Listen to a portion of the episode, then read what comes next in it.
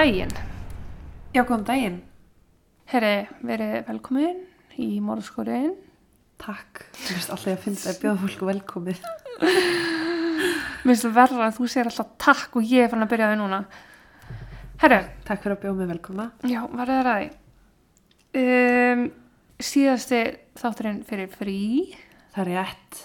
Það er ekkert frí framöndan hjá mér, það er samt frí hjá þér. Heldur betur. Fæ ég að koma með þér bara. Nei. Nei, mátti reyna. Ég? Herru, ég ætla að segja þér frá máli í dag. Það er ekkert fyrir þetta, þannig ég ætla bara að vinda mér beint í þetta. Uh -huh. Um, ég ætla svo sem ekki að gefa upp hvernig málið er, af því að ég get eiginlega ekki sagt frá því sjálf. Þetta er mannskvarf í bland við morð, í bland við óupplýst, í bland við, Og hvað ætlar að skýra það? Við skulum bara ræða það í lúknæðisins. Þau Michael og Carla Stern, hjón í New Jersey í bandaríkunum, ætluðu ekki að trúa því þegar þau komast að því um mitt ár 1996 að þau ættu vona batni. Fram að þessu hafðu þau talið Körlu ekki geta orðið ófríska og hafðu bara sætt sér við það að bestu getu og því mikil gleði þegar þau komast að því að það væri von á væntalum erfingja. Erfingja. Þann 24. mars árið 1997 fættist þeim lítil stelpa. Stelpunum gáðu þau nafni Sara Lee og henni ætla ég að segja þér frá í dag. Ok. Sara var óumdeilanlega augusteitt fóröldar sinna og ólu þau hann upp í Neptune City í New Jersey, frekar ólegu bær nála ströndinni, bær þar sem allir þekktu alla og bara mjög svona tætt nitt, þú veist, náið samfélag. Já. Fóreldrar Söru elskuðu Disney, bæði myndirnar og garðana og smitaðist það í Söru mjög snemma. Mammina rak bókabúð og smitaði dótt sína á áhuga á bæði reitlist og almennri list en því eldri sem Sara varð því meiri áhuga fekk hún á að teikna. Litla fjölskyldan hefði ferðast mikið saman og þannig uppgötaði Sara ást sína á Kanada en þanga vildi hún flytja þegar hún yrði stór og starfa sem listamæður. Já. Það vissu allir sem að þekkt hana, hún talaði lítið um annað en Kanada draumanu sína. Á milli þess sem að Sara lit sér dreyma um það og að teikna, eitti hún löngu stundum að horfa YouTube-vídeó, skrolla samfélagsmiðla og hanga með vinnu sínum. Hún var bara mjög venjulegur úlingur, þú veist. Já. Hún gekk í Neptune High School, spilaði þar softball. Ég veit ekki hvað íslenska heiti yfir, softball er. Er það ekki skotbolti? Er það það? Um, hafnarbolti. Já, en samt ekki, sko. Þetta er softball. Já. Herru, hún ætlaði að æði softball og var vel liðin meðal samnefnda sinna og átti marga vini en hennar bestu vinir voru þeir Liam McCatasney McCat... Ég vil heyra þér segja þetta. Þetta er sko M-C-A-T-A-S-N-E Upsilon McCatasney McCatasney Ok. og Preston Taylor Liam og Preston Það er rétt. Þau þrjú höfðu alist upp saman, voru æskuvinnir og eittu nánast öllum stundu saman. Það kom sér vel fyrir Söru að eiga tvo góða vini árið 2013 en þá lést mammunar eftir langa baráttu við krabbaminn og það var Söru mjög mikið áfall. Í kjölfarið hafði Sara orðið frekar þunglind eins og skiljanlegt er og voru þeirri vinir hennar mikill stuðningur á því tímabili. Lífi hjælt hún samt áfram, þau feðgin orðin bara tvö eftir. Pappirna Michael kynnti svo konu og byrjuðu þau síðar saman. Söru líkaði bara vel við þessna nýju kærustu pappasins og myndaði þessu vinskapið þar á milli. Henni, hún kannski kætti sig ekkert sérstaklega um hana en hún var ekkert að bögga sig á því að pappina hafi haldið áfram. Með lífið. Já. Já. Eftir útskrift á mentaskóla sótti Sara Brookdale Community Háskólan þar sem hún læriði list og sjónvarsframleiðslu. Hún hefði mikið áhuga á kvikmyndum og Já, já, já. og í- bara já, svona YouTube myndböndum og svona framleiðslu almennt. Hún vann samlega skólanum á pizzastað þar sem hún var virkilega vel liðin í vinnu en þegar hún saði lóksis upp vinnunni rétt fyrir atvikin sem ég kem til með að segja frá í dag var hún grátbyðin um að taka í það minnsta eina vakt á viku. Hún þótti alveg ómissandi starfsmæður. Sara gat bara ekki hugsa sér að vinna við eitthvað sem hún elskaði ekki og saði yfirmannin sínum frá því að hún ætlaði að einbetta sér að listinni enda stefnan sett á að flytja til Kanada sem allra allra fyrst. og byrja það listamannalífið sem henni dreymdi svo mikið um. Hún var einhvern veginn henni léttar á sér eftir andlat mömmu sinnar, samskipti feðginina, feðginanna, Mm. voru tipt á málum, sambandi hafði styrkst til muna eftir að þau eru bara tvö. Þau voru ósamal um alls konar pólitík og lífsskildin þeirra voru kannski ekki alltaf þau sömu en sambandi þeirra var mjög stert og stabílt alla tíð. Þetta er náttúrulega bara feðgin. Það er ekkert sammála um allt í lífunu og það er kynnslóðabil á milli og þú veist. Já, já, já, nákvæmlega. En hún átti þess að tvo vini, Liam og Preston, sem hún ytti miklum tíma með og var svona nýlega búin að rífa sig upp úr hálfgjör svartnætti en eftir að mamma hennar lest hafði hún reynt að fyrirfara sér. Já, ok. Það kom því eins og þrjuma úr heiðskjöru lofti þegar all leit út fyrir að Sara var horfin. Michael pappi Söru var í Flórida að eyða dögunum í Disneylandi þegar hann fekk símtalið miðanótt. Upp úr þrjú aðfarnótt 3. desember ringdi lauruglan í Michael og spurði hvort hann þekkti til bíls að gerðinni 1994 Oldsmobile. Michael hjálp það nú. Amma Söru átti hennar bíl en Sara var svo sem að nota hann allar mest. Hann fekk lítið upplýsingum og brunaði því af stað aftur til Neptune City um miðanótt. Já, Hann sett færi í raun að bara vita það að bílinn hafi fundist uh, á brú og það sé ekkert almennilega vita um dóttur hans. nei, Þannig að hann bara neldi af stað og þetta er einhver sko margar klukkutíma til Florida og New Jersey sem er bara já, mjög langt um milli. Það var þá þannig að klukkan 2.45 sömu nótt hafði neyðalínan fengið símtal um yfirgefin bíl á Belmarbrúni við Nep- Neptune City. Maðurinn sem að tilkynnti bílinn var Uber-bílstjóri og fannst óvennilegt að sjá bílinn lagðan út í kanti á brú. já, það er það. Já. Hann hafi stoppað við bílinn til að aðtöga hvort hann geti séð einhvern nálat bílnum, inn í bílnum eða hvort hann geti hreinlega aðstöðað en greipi tómt. Enginn var inn í bílnum og því ringir hann í neðalínuna sem er bara mjög skinsamt og við skulum öll lækja það í van okkar. Já, það er líka sko, þú veist, fyrst það sem myndi þetta í hugan, alltaf bara sjálfsbúrð, Já. skilur þú? Veist, þú sér bíl á þessum stað. Akkurat og þetta er bara á miðri brúnni og þetta undirbrúnna rennur á sem að fer bara beint út í allarsafið sko. Emitt, Seks mínútur síðar kom lauruglan svæðið og aðtöfa málið, flettir upp bílnumur bílsins og fekk þar upplýsingar að amma söru ætti bílinn og þá fór þetta ferli í gang sem ég segi frá með pappinar í Flórida. já, Sem betur fyrir er Neptune City í svona mjög samheldi samfélag og mjög lítið samfélag og allir þekki alla og því var ekki gert neitt lítið úr þessu. Þú veist það var gert mjög stórt mál úr þessu strax. og bara reynda að finna hv- hvar manneskjan væri sem hefði verið á bílnum. Já, og sér það að þú veist, bílinn, símtalið um bílinn kemur kortur í þrjú og það er búið að hafa samband við pappana kl. hálf fjögur. Já, Lörglan reyndi að hafa samband við Söru og pappana líka en sama hvað var reynd, hún svaraði ekki og síminn virtist batterislaus eða slögt á hannum. já, Hún hafði aldrei lagt það í vana að svara ekki skilabóðum eða símanum almennt. Hún var 19 ára og eins og margir aðrir ungi krakkar límdir við síman emitt. Og hefði alltaf verið snögg að svara. Hvað ár er þetta? 2016. Okay. Ég er náttúrulega stenglemt að segja bara því. Hún hafði verið í samskipti við pappa síðan allan tíman sem hann var í Flórida, svaraði alls konar óþara skilabúðum, skilabúðum sem lágu ekkert á að svara og því gjössalega úr karakter fyrir hann að hætta bara öllum samskipti við fólki sitt. Já, Sér í lagi að hætta að svara pappa sinu svona.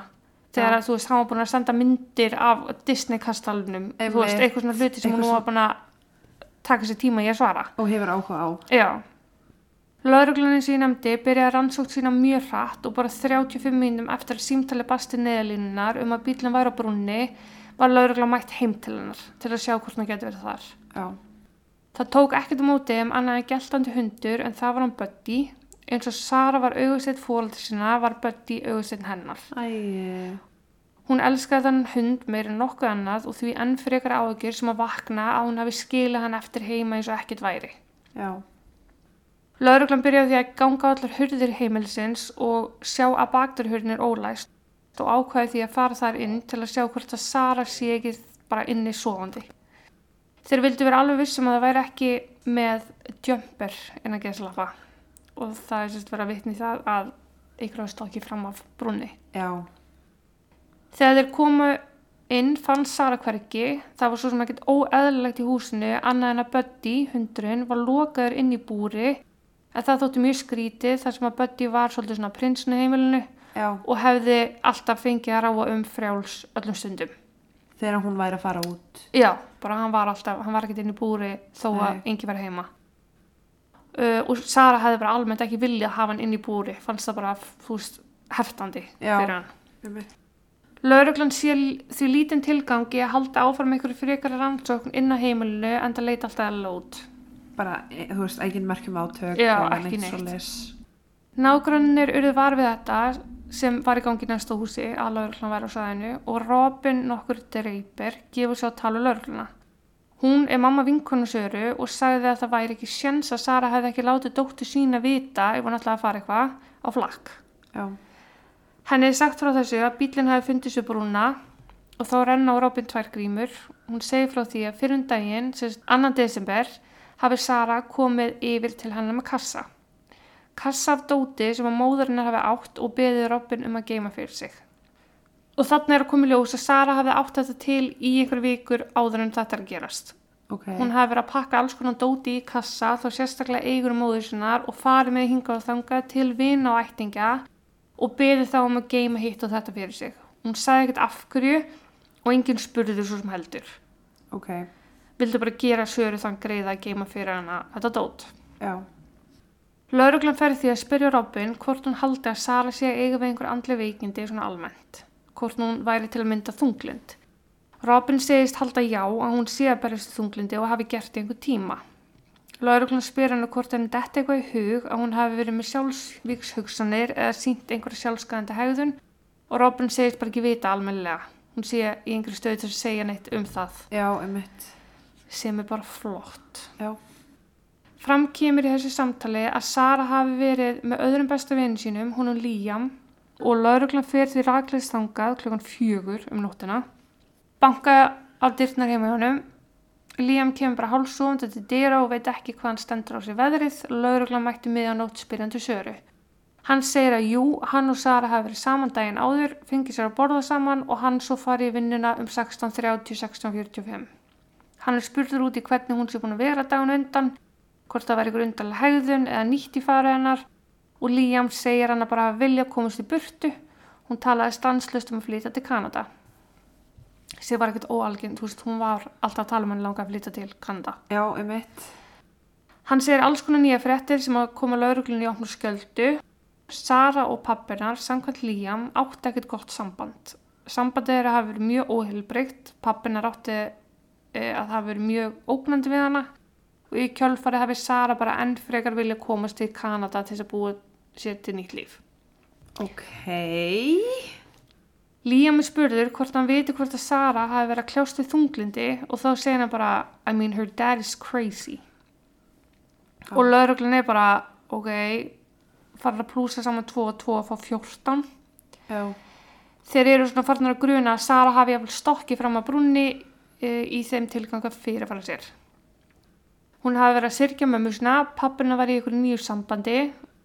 Núna var að koma í ljós að sambandi á milli þeirra feðgina hafi kannski bara verið skýtlélegt og bara almennt mikið í gangi í lífið þessar ungu stelpu. já, Þegar leið á morgun voru íbúar Neptune City farnar að frétta hvarfi söru og voru allir mjög skelkaðir. Lauruglan var bankat á dyrja fólki, búið var sendt út kafara til að kafa í sjarkrifer, ánið sem var rann undir brúna sem að bílinn fannst. Þyrlur voru fljúandi og leitandi af henni og fleiri, fleiri manns gangandi upp og niður bakkar sjarkrifer til að reyna að sjá hvort það Sara fyndist. já, Og það var klálega að koma í ljós því fleiri sem var að tala við að Sara hafi vissjóla átt frekar erfitt andlega í gegnum árin. Hún hafi reynt að fyrirfæra sér, hún hafði barist við þunglindi, hún hafði átt að til að vera með sjálfskæðandi hegðun og hún talaði reglulega um að hún hefði viljað flýja til Kanada. Eða hún sagði við flesta að hún vildi bara flýta til Kanada en samkvæmt Liam sem var besti vinnur hennar og mikill trúnaði vinnur þá vildi hún flýja ángað frá pappa sínum. já, bara til að komast burt. Já. Lauruglunar voru þarna í útlökunarferðli fyrstu dagana eftir hvarfsöru, útlokað einhver sagnæmt hefði getið komið fyrir hana. Dagarnir fyrir hvarfi voru reknir og sérstaklega annar desember en það var þá sem hún sást síðast. Já, Hún hefði hitt Liam, farið með honum að Taco Bell, þau hafi svo farið heim til Söru í smástund og síðar hafi Liam mætt til vinnu og þetta var allt hægt að staðfesta með öryggismyndbands upptökum frá Taco Bell, frá vinnunans Liams. Já, Hús Liam sérst og myndbands upptökur nágrannar Söru, keiri burtu ok. um það leiti sem hann sagðist að hafa farið. Hann sérst síðan að lappa inn í vinnunum sína stutti síðar og allt stemdi. Hann átti að vinna til 12 um kvöldið en var svo óvænt búin kl. 10 um kvöldið. Og þá bara fór hann heim sem að herbyggisfélagin skatt staðfest og hann Já. bjóð með Preston. Ok, Bílsöru sést svo bakk úr stæðinu um 23.45 þetta kvöld og finnst svo að brúnni eða slett um þrejum tímum setna. já, Fjölskylda Söru og vinir hrinda til leitar svo þremur dögum eftir hvarfið, hundruði sjálfbóliða mættu saman til að leita af henni, en þá betur upp og niður árabakar sérgrifur. Leita voru út um allt í Neptune City, allar öryggismyndavélar voru aðtöðar til að sjá hvort að hægt var að rekja ferður Söru eitthvað frekar, en allar þær myndavélar sem að lauruglan þurftu nöðsilega að fá efnur voru svo óheppilega allar óvirkar. típist. Og það var eitthvað svona, þú veist, til þess að láta þetta lítið út fyrir að vera safe community, þá voru bara myndavelar ástöðum sem að voru ekkert virkar. Svona eins og Íslandi. Já, svolítið svoleiðis. Óvirka myndavelar. Oh, frábært. Já. Lauruglan pressar svolítið á Liam og Preston, þeir voru jú bestu vinir hennar. Það leit allt út fyrir að Liam hafi verið síðastu til að sjá Söru. Preston var svo sem gæti staðfest ferðir Liams og þetta held svolítið hendur og þeir voru ekkert nema samstarfsfúsir. Já, Komu oft á lauruglustöðuna daginn eftir hvarfið, svöruðu öllum spurningum og það var ekki þannig mistræm í sögum þeirra sem gæti vakið einhverja aðtegli. Eins og mikið er hann að lesa út. Hvað, já, Það var alltaf verið að fá þá í stöðuna og bara pressa, ok, fyrirfórum sér, vitið eitthvað, gerði hún eitthvað af sér, þú veist, er hún við í vesinni, já. þú veist, endalust að pressa á þá. Og mömmu Líam var orðið svolítið eh, ofboðið hversu mikið var pressað á sonunar að hún ræður lögfræðing sem verður bara að teljast eðlilegt, það er alltaf skynsalegt að vera með lögfræðing Það er það, sko. með sér við yfirstur Já. og viðtöl við lauruglu hefði ég talið þess þá heldur út í bandaríkunum þar sem að réttakerfi hefur kannski ekki alltaf verið Já, og mikið af fólki á bakveg lás, lás og slá sem að áhagið erindið ángað uh -huh. út af einhvern klaufaskapa hafi ekki lögfræðing með sér en eina misramið í sögunum var að Liam var frekar vissum að Sara hefði flúið til Kanada en Preston grunaði að hún hefði kannski geta hoppað fram á brúnni og fyrirvæla sér ok, Kanadakenningin uh, var hægt að afsanna frekar vel. Hún hefði þó þurft að fara ansi flóknar leiðir til Kanada Óséð, og óskráð. En kenningin um að hún hefði fyrirfærið sér var tölvert erfiðari fyrir alla sem koma að málunni að afsanna eða sanna. Já, af því að það er ekkert, ekkert er sem að hægt er að sína. Nei. Lauruglan fann samt alltaf einhverju skítalegt að málunu og reyndi eftir bestu geta að rannsaka þetta frekar en lítið kom upp. Já, Eina sem kemur ljós er að Sara hafi átt öryggishólf í banka og hafi farið í bankan daginn sem hún hvarf og sótt eitthvað í öryggishólfið. Þá komi ljós að eftir að mamma Söru deyr árið 2013 finnur Sara skókassa.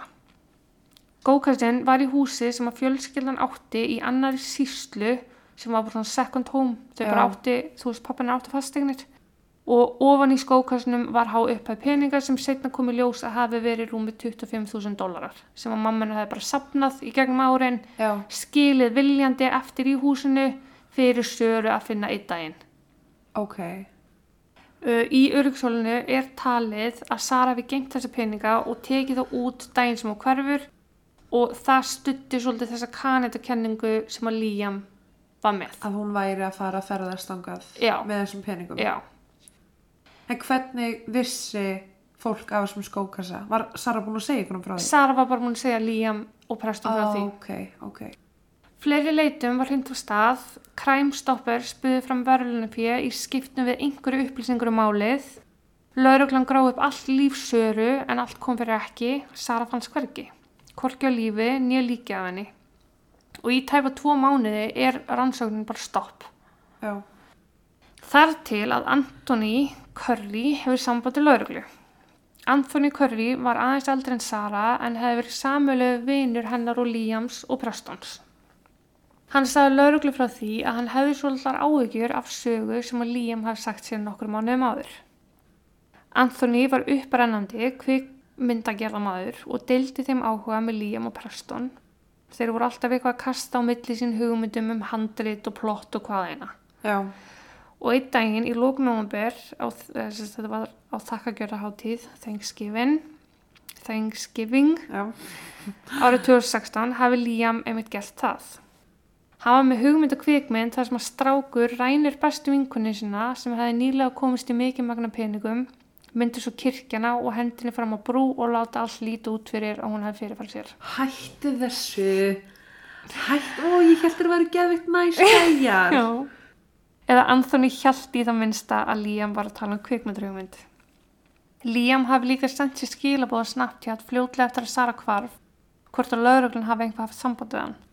Liam hafi með þess að haft samband hann stæglega en Anthony kvekti ekki á neinu. Grunaði vinsinn ekki um neitt sagnæmt og ekkert slæmt þó hann vissi að Sara væri tínt. Já. Svolítið bara svona öll ljós kveikt en engin heima. En hann áttar sér nú á þessu öll saman á lokum blasaður og fer rakleiðis til lauruglu með þetta. Lauruglan fór strax í að gera ráðstafnir að lokka játun upp á Liam. Þeir ætluðu með yngum móti að klúra þessu með því að kalla hann til formlegar yfirheyslu að því að hann var búin að ráða sér lögfræng. Þeir voru búin að tala svo oft við hann að þeir höfðu enga ástæði til þess að kalla hann inn. Þannig að þeir hefðu bara stopnað rannsóknar hagsmunum rannsóknarinnar Já. í hættu með því að reyna að fá hann inn og þú veist, til þess að fá sömu söguna aftur og veist, En það var Lían sem var með Kanadakenninguna. já, Ok. Og Presley var með stökk og brúni kenninguna. Preston, já. Já. Já. Presley, ég er að hugsa um húsin og lemon. Vá. Spunnin var saga, Anthony átti að hafa sambandi Liam í fyrstu að ringja hann og reyna að fá upplýsingar frá honum varðandi morðið á Söru. Anthony átti að gera ráð fyrir því að Liam hafi myrt Söru út frá sögutræðinum sem að Liam hafi satt sér frá. Veist, Liam plottar þessu hugmynd. Hann sagði við Liam að hann hafi skemmt myndaflun sína, upptökuvél sem að var mikilvæg, enda kvikmyndaframleysla hans ástriða. Hann segi við hann að myndavélinn hafi dotti í fötað gerfublóði og hvort að Liam geti spottað sig. Hvort hann geti lánað sér smá pening fyrir annari myndavél að því hann vissi að hann ætti pening frá þessari stelpu innan geðslappa. Ah. En Liam sagðist ekki geta að tala við hann í síma, hann vildi frekar hitta hann og ræða við hann svoleiðis.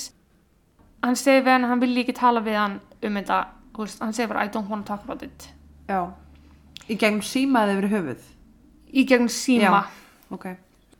Liam hafði svo sambandi við hann í gegnum Snapchat og hvað gerist á Snapchat? Skilabúðan eðast Ah. og sagðist ekki geta lána honum pening að peningurinn var í skýtlélur hann hafi bara átt 7000 dollara og það hefði verið fyrir mörgum mánuðin síðan. Þeir ákvöðu svo að hittast tveir saman því að Liam geti ekki talað um þetta gegnum síma, málið væri bara allt of alvarlegt til þess. Þannig að ákveðið er að setja hljóðnema og myndaviljar í bíl Anthony, sko allir gjörsamlega á nálum, skítrættur um að Liam myndi gera eitthvað Anthony líka. Já. Ákveðið er að tveir lauruglubílar eldi þá öllum stundum. Já. Lóksins kemur að þessu, Liam sest upp í bíl hjá Anthony, byrjar á því að afsaka sig en segist verða að tjekka hvort hann sé með upptökubúna á sér. hann kára á honum öllum, aðtöða það allt saman vel og andlega, tekur samt ekki eftir myndavélunum og hljóðnum honum inn í öll mannskottarspílunum, Ok. en þú veist sem betur fyrir, En hann hann var, var sérst ekki með upptökutæki á sér. nei, Oh my god. en myndavélun er bara beint og smetti á hann, sko, hann fattar ekkert. Ok. En Anthony fyrir að spyrja hann hvernig þetta allt sem hann fór fram og Liam bara fyrir að tala og tala og bladra og bladra eins og ekkert væri. Hann segist verið með FBI á hælunum, lauruglun sé búin að spyrja endalösa spurningum og hann sé hættur að treysta fólki. Hann segir frá því að hafa planað þetta í marga mánuði, hann vildi að lauruglan myndi yfirheyri sig og tala við sig svo hann myndi líti út fyrir að blá saklaus. Alveg sem þú hélst í byrju málsins. Oh my god. Anthony spina þá og byrja, ha, kastaði henni fram á brunni og Liam kinka kolli og játa því bara, you didn't hear about it, it was all over the news.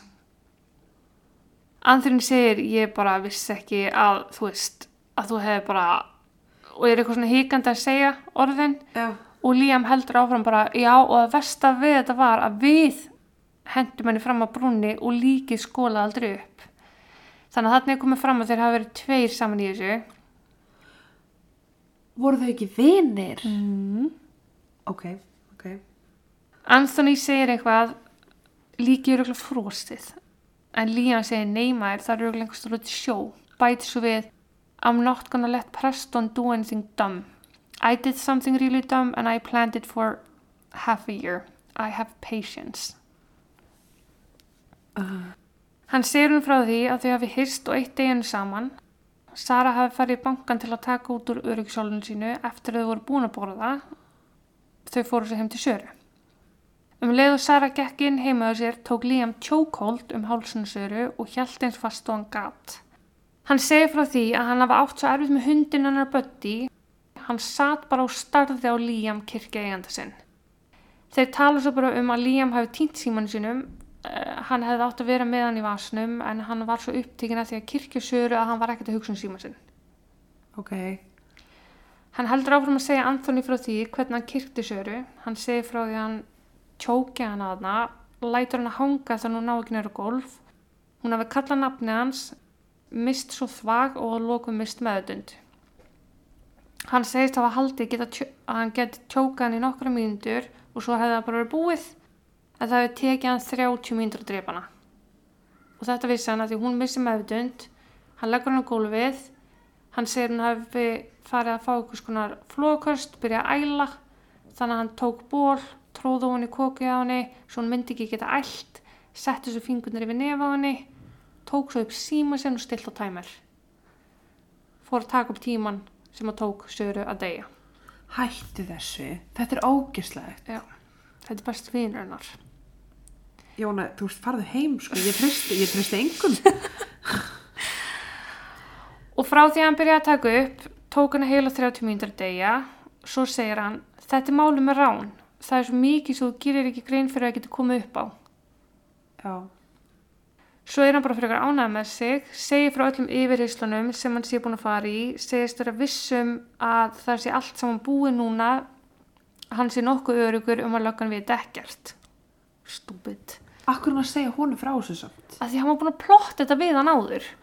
Þú veist, Já. hann var búin að segja, hann var búin að segja frá því að þetta væri kvikmyndarhugmynd innan gæslappa, Mm. en hann var raunin að tala um það veist, þetta er raunin bara Anthony tengdi saman tvo og tvo bara Já. ok, Sara fór jafnvel fram af brú Og þetta er sama týnd. plott fyrst Já. og þú ert að, já. Já Hann hefur svo fyrir því að segja frá því að hann hefði búist við því að einhvað í honum myndi breytast við að fremja svona glæp að það væri svo skrítið að þetta hafði ekki haft negin áhrif á hann hann breytist ekki neitt hann geti sko alveg sofið á nætunar og allt.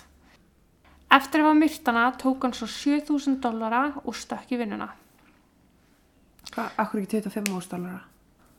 Ég er raun að veita ekki almennilega. Hún tók ekki út allan peningin til að byrja Ok. með.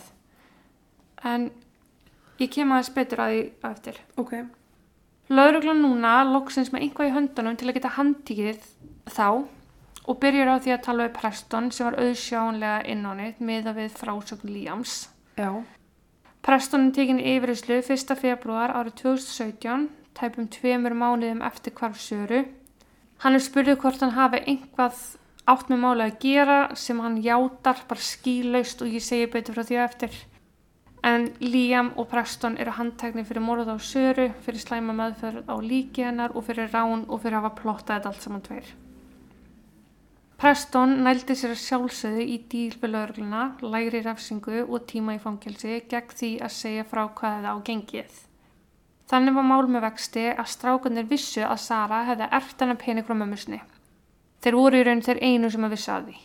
Ok. Sara hefði ekki einu sem sagt pappa sinni frá því og samkvæmt Liam var það að því að hann hefði áður gerð sigur um að stela henni pening. Hann hefði átt sögu um slæmar fjárfestingar og hvaðina sem allt tókst að sanna að væri bara kjaftaði. Ah, ok. Þannig að hann var bara staðfastlega að draga mannorð pappa Söru upp úr skýtnum til, til að hilma yfir sína eigin glæpi og styrkja kenninguna um að hún hefði flúið til Kanada. oh, Þeir allan að vita þessu, verði eitthvað graðir, vilja komast í peningar sjálfur og töldu upp hann að vera um fjóru meiri en hún var raunverulega. Já, Þannig að Liam var þarna farin að dætreima um að verða bara ríkur af því að hann held að Sara ætti um 100.000 dollara sem hann gæti rænt af henni. ah, ok En það gera uh, um 11 miljónu íslenska krónu fyrir fórveitna sem er bara ekkert mikill peningur. Þú ert ekkert ríkur af því þú ert 11 miljónir. Nei, þú veist, og þeir eru þessum aldrei þetta fer hann úr leikni, Nákvæmlega, það er bara mjög auðvelt að eyða 11 miljónum, sko. Já, bara mjög auðvelt, sko. uh -huh. En þetta byrjaði allt voðalega sakleyslega hjá þeim. Þeir vinnum voru bara að pæla hvað þeir myndi gera ef þeir ætti svona mikið pening. En það fór mjög fljótlega í hvað myndum við gera ef við værum með peningin hennar. mm, Þeir byrjaði að plotta rænana, annarkvært ræna heimili hennar og eða húsið sem að peninginu fundist í. En einhvern veginn flækist inn í, að, í það plott að drepa söru var nöðsilegt líka. Og það var bara slegið í stein að kyrking er aðferðin sem er notuð. Já, Liam sagðist alltaf hvetja Söru til að taka út peningarnir sína svo hún gæti bara stungið af til Kanada. Og sannfæri hann um ég skal koma með þér, við flytjum saman. Já, uh, og hún getur bara að byrja að lista manna lífið sitt þar eins og henni langaði svo til að gera. En plani var svo alltaf það sama, hvernig þið færi að því. Drepa Söru og kasta henni niður á brunni og láta líti út hún að fyrirfæra sér en að því hún finnst ekki þá snýr Liam sér að þessari kanadakenningu já, þú veist það er rauninni fyllin í planinu er að hún skilaði sér ekki á land en ég meina, er það þá ekki meira drápskvöld heldur en að vilja ræna peningnum? það er svo mikill ásendingur um þetta í morðinu Ég er að segja það, þú veist, Já. getur ekki rænt hana, þú þekkir hana best, veist Uh-huh. hvað hann verður, veist hvað peningurinn er, Já. getur ekki bara rænt hana, þú veist, það er svo hann hafi líka tilhörn til þess að drepa, bara einhver, kvöt til að drepa. það er allan að fókusin er svo miklu meira á að drepa hana. Heldur um peningurinn. já. Og svo líka bara do your fucking research. Peningur var skýt lélur Já. ég kem aðeins betur eftir en þú veist þeir eitt ekki krónu á þessum pening. Einmitt. Þú veist, já, bara aldrei sko. En þeir hefðu æft þetta allt saman þeir hefðu keift talstöður til að sjá hvort þeir getur verið í samskiptum í sikkurum bílnum þegar þeir vildi ekki nota símanni sína þegar þeir köstu henni fram á brúnni. Þetta þurftur að æfa í tvígang því að talstöðunar sem þeir keiftu fyrst höfðu ekki drifið nægilega langt. Þannig að þeir þurftu að fara aftur og kaupa nýja talstöðar planað. Já, og prófa þetta aftur. Þú er svo mikil tími til að bakka út því að drepa hana. Og það er svo mikil ásendingur í þess að halva að vera meira Einmitt. Og líka fyrir preston að bakka út úr þessu. Hann ætlaði ekki að vera svo sem ætlaði að drepa hana. Þú veist, Liam átti að vera svo sem átti að drepa hana. Já, en Liam var búin að fylgjast með öllu því sem að Sara gerði mánuðuna undan, hann var búin að plana í hálft ár til að fullkomna planið. Hann hefði fylgst með því hvernig hún kerði inn í innkjöslunni heima á sér hvernig hún bakkaði út úr innkjöslunni allt til að geta gert nákvæmlega eins þegar kæma því hann dræpa hana hann vissi að það væri myndavilar hjá nágrannum sem sæju innkjösluna og því vildi hann vera vissum að geta gert hlutinni eins og Sara svo það væri trúanlegt að hann hefði ekki komið nált þessu. Þannig að liti út fyrir það að Sara hefði kyrt sjálf úr innkeyslunni sem að hefnaðist, já, þú veist. það líti allt út fyrir það. Já. Það hafi verið hún. Já. Liam sem sagt hittir Söru, þau borða saman. Liam hlýtur einhvað að hafa haldið áfram að hvetja Söru til að flytja til Kanada og nota peningi sinn í það því að þau fari í bankan. Það er þá sem að Liam sendir skilabúðan á Preston, this is our shot. Hann ætla að framkvæma þetta plan uh, og að Preston ætti að vera standby. Preston var í vinnunni þegar, þegar hann fær þau skilabúð, þannig að ég veit ekki hvað hann átti að gera, þú veist. Já, En Liam og Sara fara heim til hennar. Liam drepur það Söru og kemur henni fyrir inn á heimilinu. Þetta tók tölvöld lengri tíma en Liam gerir ráð fyrir. Hann týnir svo símanu sínum á einhverju tímapunkti. Hefur engun tíma til að finna hann því hann er að verða á setni vinnu. Þannig hann brunar heim. Heim til Prestons því að þeir voru jú Harpiksvilar. Segir hann frá því að Sara sé dáin og hún sé heima hjá sér og að Preston verða að drífa sér þangað og finna síman hans og koma söru fyrir einhvers þar, þar til að þeir getur farið með hana að brúnni. Ok. Preston fer þá heim til Söru, leggur fyrir aftan húsið hennar að því að jú þeir vissa myndavelinni sem var hjá nágrannunum og fer inn, finnur Söru en Liam hefði komið henni fyrir á heimilinu. Preston ber Söru út í garð þar sem hann kemur henni fyrir undir tréð þar sem hún lág svo þar til að Liam var búin að vinna. Þeir fjölaðar hittast að þið vinni á Liam og fara aftur heim til Söru taka hann upp, setja hann í farþegarsæti á bílsjöru þannig ekkert lítið grunnsala út. Liam sest upp í bíl og bakkar nákvæmlega eins út í stæðinu eins og hann hefði fylgst með sjöru að gera. Preston fyrir í sinn eigin bíl og þeir hittast á brúni. Uppbrunlega ætlaði Liam einn að kasta sjöru fram með þér en hann loftaði henni ekki þannig að Preston þurfti aðstofan. Oh my god. Þeir fara á stað á brúni þar sem þeir sjást ekki kasta henni niður á brúnni og fara svo og færa bílinn þar sem hann svo síðar fannst. Og voru ekki fingrafur eða eitthvað í bílunum? Það hefði svo sem talist, talist öðlilegt sko. Já. Keiri svo bara heim og fara að sofa eins og ekkert hafi ískorist. Þeir grafa svo síðar tvo peningaskápa, annan þeirra tómur í eigu söru og svo hinn sem var með peningunum sem þeir stálu frá söru. Ok. Ákveðu högg þeir áttu að sjá að magn peningana var tölvöld minna en þeir áttu von á og að peningarnir voru bæði illafarnir og hundgamlir og engin banki hefði getið tekið við þeim frá þeim. Nei. Þegar Líam var handtekinn og hann ásakar um morða á Söru kom hann á sjálfsagafjöllum þegar honum var sagt frá því að lauruglan var með gögnum frá hýttingi þegar Líams Anthony Ah, sagðist Líam ekkert að hafa að meina að þetta hafa allt gest í alvöru. Hann sagðist hafa haldið að hann var í áhyrnapröfu. Hann var sko bara þykjast vera aðarleikarinn í myndinni sem hann hafi plottað við Antoníum. hættu þess. Sko að reyna það, bara já nei, ég held ég var í áhyrnapröfu. Ég held að við varum að tala um myndina sem okkur langar að gera. Já. Og bara allt henni heitir aðaleikonan Sara. Já. En þetta var nú allt saman fyrir ekki að klappa að klárt og lág allt mjög skýrt fyrir í raun þöksi Anthony og Preston líka sem var mjög samstagsfús þegar hann bauðst vægari refsing gegn því að vikna gegn, Gegn. Liam. Já. Já. Preston játaði eftirfærandi brot sín, rán, conspiracy to commit robbery, samsæri til ráns. Heita það þá íslensku? Uh, bara hérna, sem samverknaður. Já. Eða sérst tilraun til. Já, Hvað sagður þetta væri? conspiracy to commit robbery. Þetta er sérst planið að Já, ræna. já. Þetta er sérst bara ásetningur. Já. Fyrta við sönnunagögn er tampering with evidence og svo vittneskina um að Liam ætlaði mjög söru. Eða hindering apprehension. Sérst að, að hann hafi vitað af öllu þessu og ekki farið til lauruglu. er bara aðtöfmanleysi. Já, Já. hann er kærður fyrir það. Liam var ákærður fyrir morð, sko mörder, felony mörder og svo var hann líka ákærður fyrir conspiracy to commit robbery, rán, hindering the apprehension of himself, bara að hann hef ekki komið í veg fyrir sjálf eða eitthvað, ég veit ekki. Já, þetta var planaverknaður. Já, Verknar áætlunin Já. var bara svo mikil sko. svo mikil. Um, og svo var hann líka kærður fyrir að fykta við sönnunagögn Já, og fyrir slæma með frá líki. já. Lögfræðingur Líams reyndi eftir bestu getu að fá málið fært yfir til annars dómstóls þar sem að þetta var lítið samfélag og allir vissu um málið og þar fannst þeim ástæði til að óttast það að hann fengi ekki sangjut réttaröld. Já, Því var bara ítt til hliðar og málið var tekið fyrir á þeim stað sem upprunalega var ákveðið.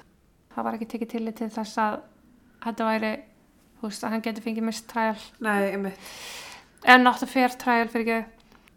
Málið var náttúrulega gríðarlega flókið að fara með fyrir dóm þar sem að lík söru var hver ekki að finna og hefur ekki fundist fram með deginum í dag. Nei, og þetta er raun bara orð þannig séð. Orð, eða ekki á móti neinn orði. en Þetta er orð. bara. Já. Lögfræðingar Líams rifist því með kæft og klóm að málið var spilt og þetta var ekkert nema samsari gegn Líam sjálfum og að Preston væri bara að koma honum fyrir kattanef. Til að losa sjálfa sig. Mm. Lögfræðingarnir rík heldur áfram í vafan að Sara væri jafnvel lífi þar sem að líki væri hvergi að finna en sönnunagögnin og staðrinda málsins voru bara miklu miklu meira en vafinn. Já, en þeir fengu sko vittni til að koma og segja já nei sko ég sá bílinn á brúnni á öðrum tíma en þið segið en sko að því að þeir lauruglan vann svo hrætt rannsóknina bílinn, þú veist þeir eru komin á staðin þarna 2.51 eða eitthvað bara 6 minnum eftir að tilkynningin kemur inn já, já. og það er búið að draga bílinn burtu fyrir klón 5 um morgunin já, en þetta vitni sem að vörnin kemur með til þess að bera vitni sögðu að það væri einhver annar tími. já, var sko að segja frá því að hafa, hafa séð bílinn þegar það var bara ekki hægt. Já, þegar hann var ekki. Já, liklar peningaskápunum sem ég sagði frá áðan þeir sem þeir grófu fundust ásamt liklum og öryggshólun í bankanum á og inn á heimili Líam þannig að Líam var með sko liklana á liklagíminu sinni og svo fannst e, liklan öryggshóluna Söru í ventilation system já. ég veit hvað þetta er, en ég, ég er ekki með orðið yfir þetta. já loftræsting Í loftresti, já, já, í ventilation system, allan. Það var þá hægt að rekja kaupin á talstöðunum sem þeir keiptu í tvígang. Já, og á símanótkun Líams var hægt að sjá að hann hefði sett að stað tæmer þann annan desember kl. 16.15 oh, Líam hefur sjálfu viðkjönd að það hafi verið síðastu til að sjá hana og verið með henni þannig að það bendir allt til Líams. Fannst símur hans, já, var hann heima í henni já, fann fannst út í gardi og var það ekki spes? um, já og nei Þú veist, að það stemmir alveg við að hann týndi símanu sinum. Já, hann var mjög opinn með það að hann hafi týnt símanni sko. Að þú veist, lauruglan spyr hann alveg strax, ertu búin að heyra eitthvað í henni og hann bara, ég týndi símanni mínum gær, maður, ég, veist, ég veit ekkert hvað hann er. Já, Og lauruglan var ekkert að gera neitt í því. Nei, ok. En réttarhöldun tóku ansi langan tíma samt, niðurst hann kom ekki ljós fyrir tveimur og hálfa árið setna eftir hvar söru.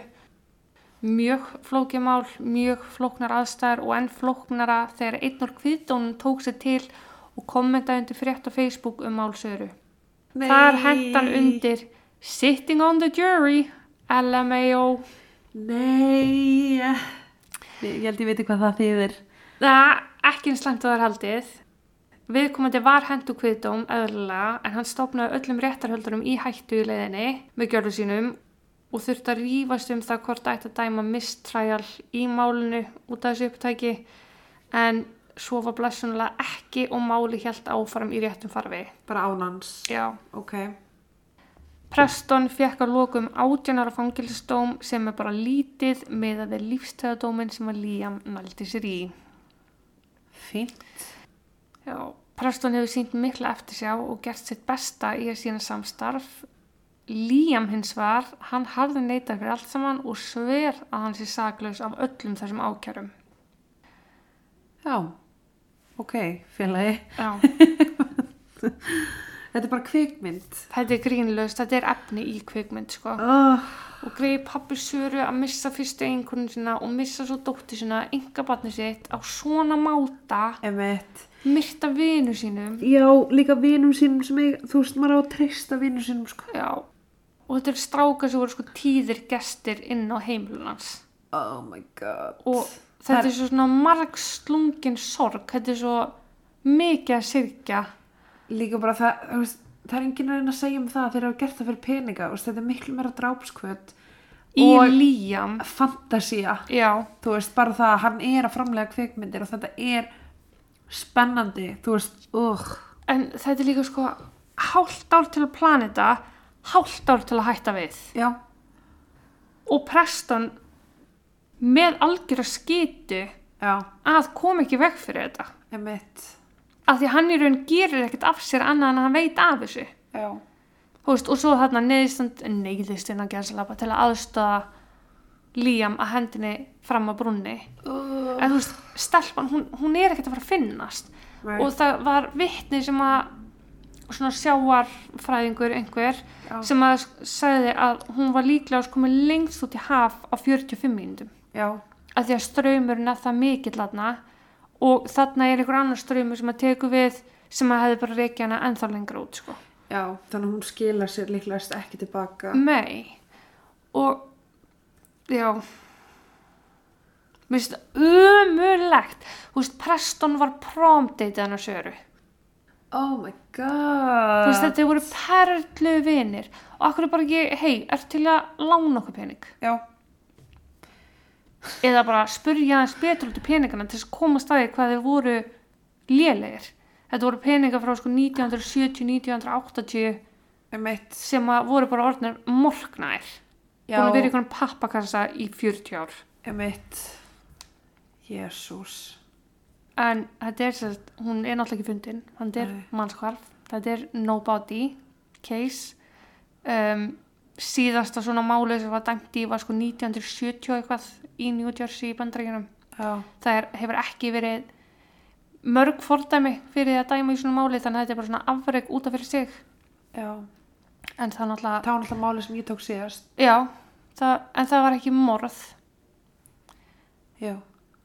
Var ekki dæmt sem mannrán. Já, já, já, ég fattaði. það er óbúslega erfitt að dæma að morð, það er ekkert lík og það er ekki Hann var, hann var dæmdur fyrir morð. Það var bara hung jury eða mistræl. já, já, alveg rétt Þannig að það verður líklegast gert aftur. mm, kom COVID. En já. en, En ég meina, þeir eru ekki með blóð þú veist umtalsvert blóð sem er þetta að dæma út frá þeir eru ekki með neitt í höndunum annað hjáttningun hans já, líka bara þú veist, pældu í, ef það er evi, sko þessi bara pínlitli evi, mm að dæma þá og svo fimm ára setna lappar hún aftur inn og segir Já. bara, herri, veistu, ég, og þeir eru að taka sjensna á því sko já, sem er ótrúlegt. Eins og hann með kona sem þú tókst sem að var sem að bara mætti heim skrýtnast það yfir sko. bókstælega lit sig hverfa mætti heim. Já. Og En það er nú ekki mikið meira um þetta að segja annað en að Líam er fíbl og Preston er bjáni að hafa ekki reynd að stoppa þetta. Og Antoni er hetja. Já, en samt svo vittlust að fatta þetta ekki fyrir um tveimur mánuðum setna. Já. Veist. Og Já, herru, við erum farnar í frí. já. Þá segjum við bara þar til næst Það er til næst. uh, sem er 30. júni Já, 30. júni. og Ég ætla að fara að pakka og Þórtis ætla að fara að tana. eins og einhver sér þá hlusta okkur. Takk og bless! Takk og bless.